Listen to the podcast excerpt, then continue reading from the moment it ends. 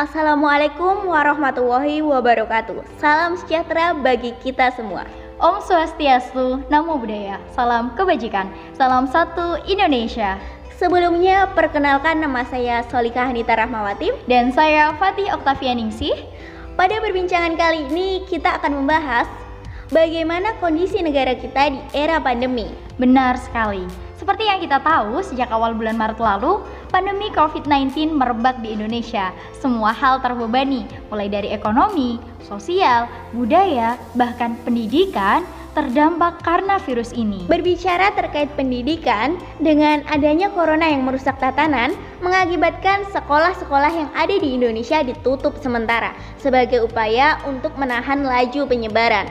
Tapi, dengan adanya penutupan tersebut, juga berimplikasi negatif terhadap psikologis para siswa. Bener banget.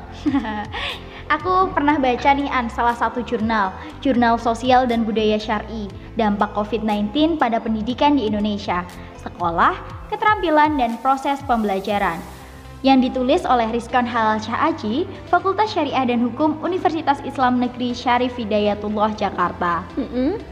Jurnal ini menyebutkan penutupan sementara lembaga pendidikan sebagai upaya menahan penyebaran pandemi COVID-19 di seluruh dunia berdampak pada jutaan pelajar, tidak terkecuali Indonesia. Gangguan dalam proses belajar langsung antara siswa dan guru, serta pembatalan penilaian belajar berdampak negatif pada psikologis anak didik dan menurunnya kualitas keterampilan murid. Selain hal itu, pandemi ini juga menimbulkan dampak yang positif bagi pelajar dan mahasiswa.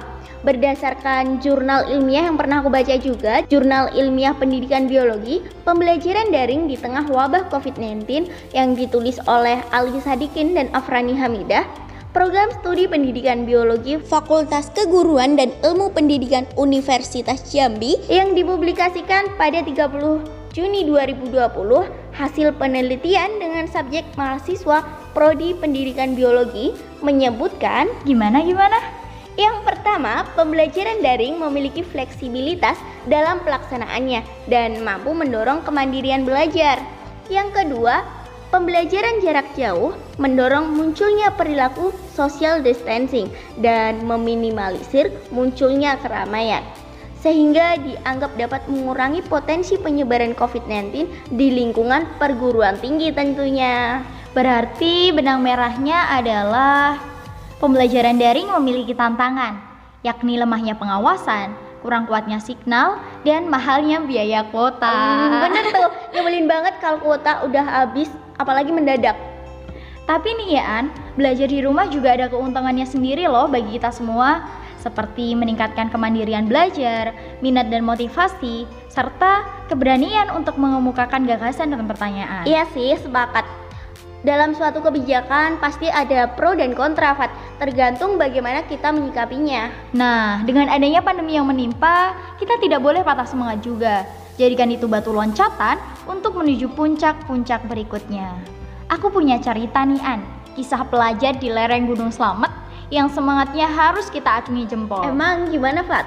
Jadi gini, teman-teman di sana, tepatnya pelajar MTS Pakis Desa Gunung Lurah, Kecamatan Cilongok, Kabupaten Banyumas, Jawa Tengah, Mm-mm. harus berangkas pagi-pagi buta dari kediamannya dengan berjalan kaki melintasi beberapa bukit. Wah, Mereka belajar di masa pandemi ini menggunakan handy-talkie serta mencari signal untuk mengikuti kegiatan belajar yang dicanangkan. eh, Perlu kalian tahu nih teman-teman yang ada di rumah. Mereka harus jalan kaki selama satu jam dengan catatan tidak ada hujan. Bisa kalian bayangkan?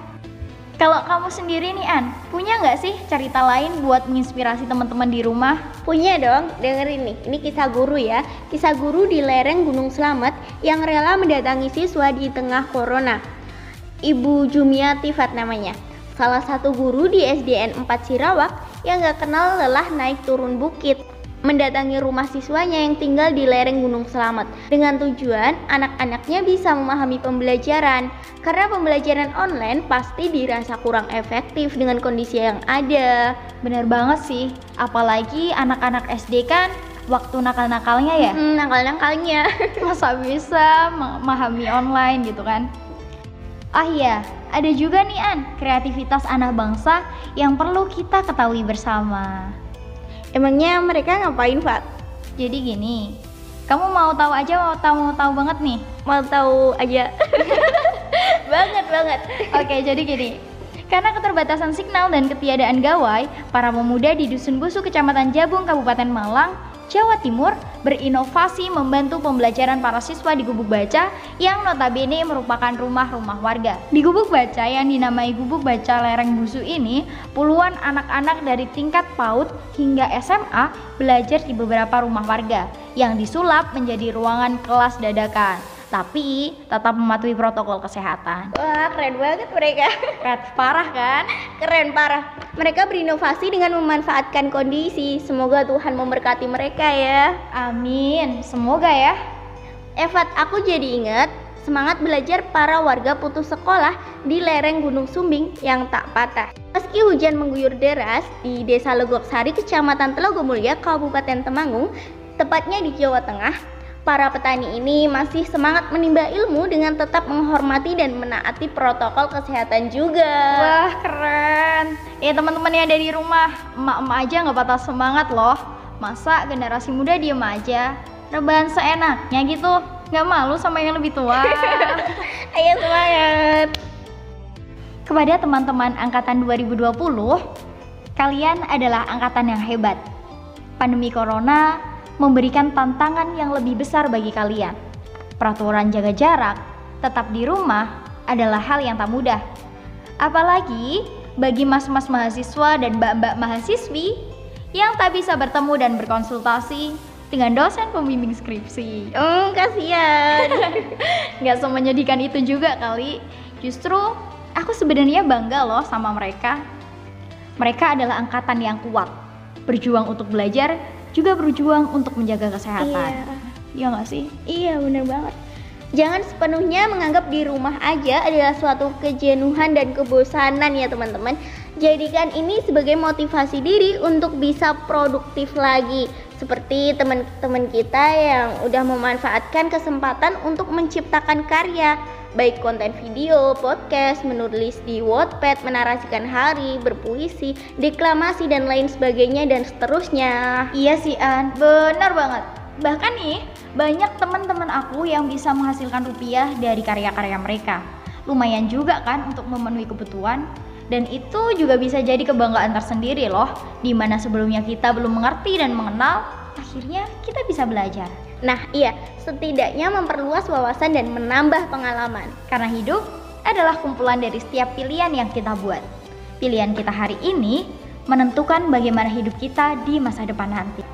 Kalian luar biasa, maka jangan sampai keadaan menertawakan kita.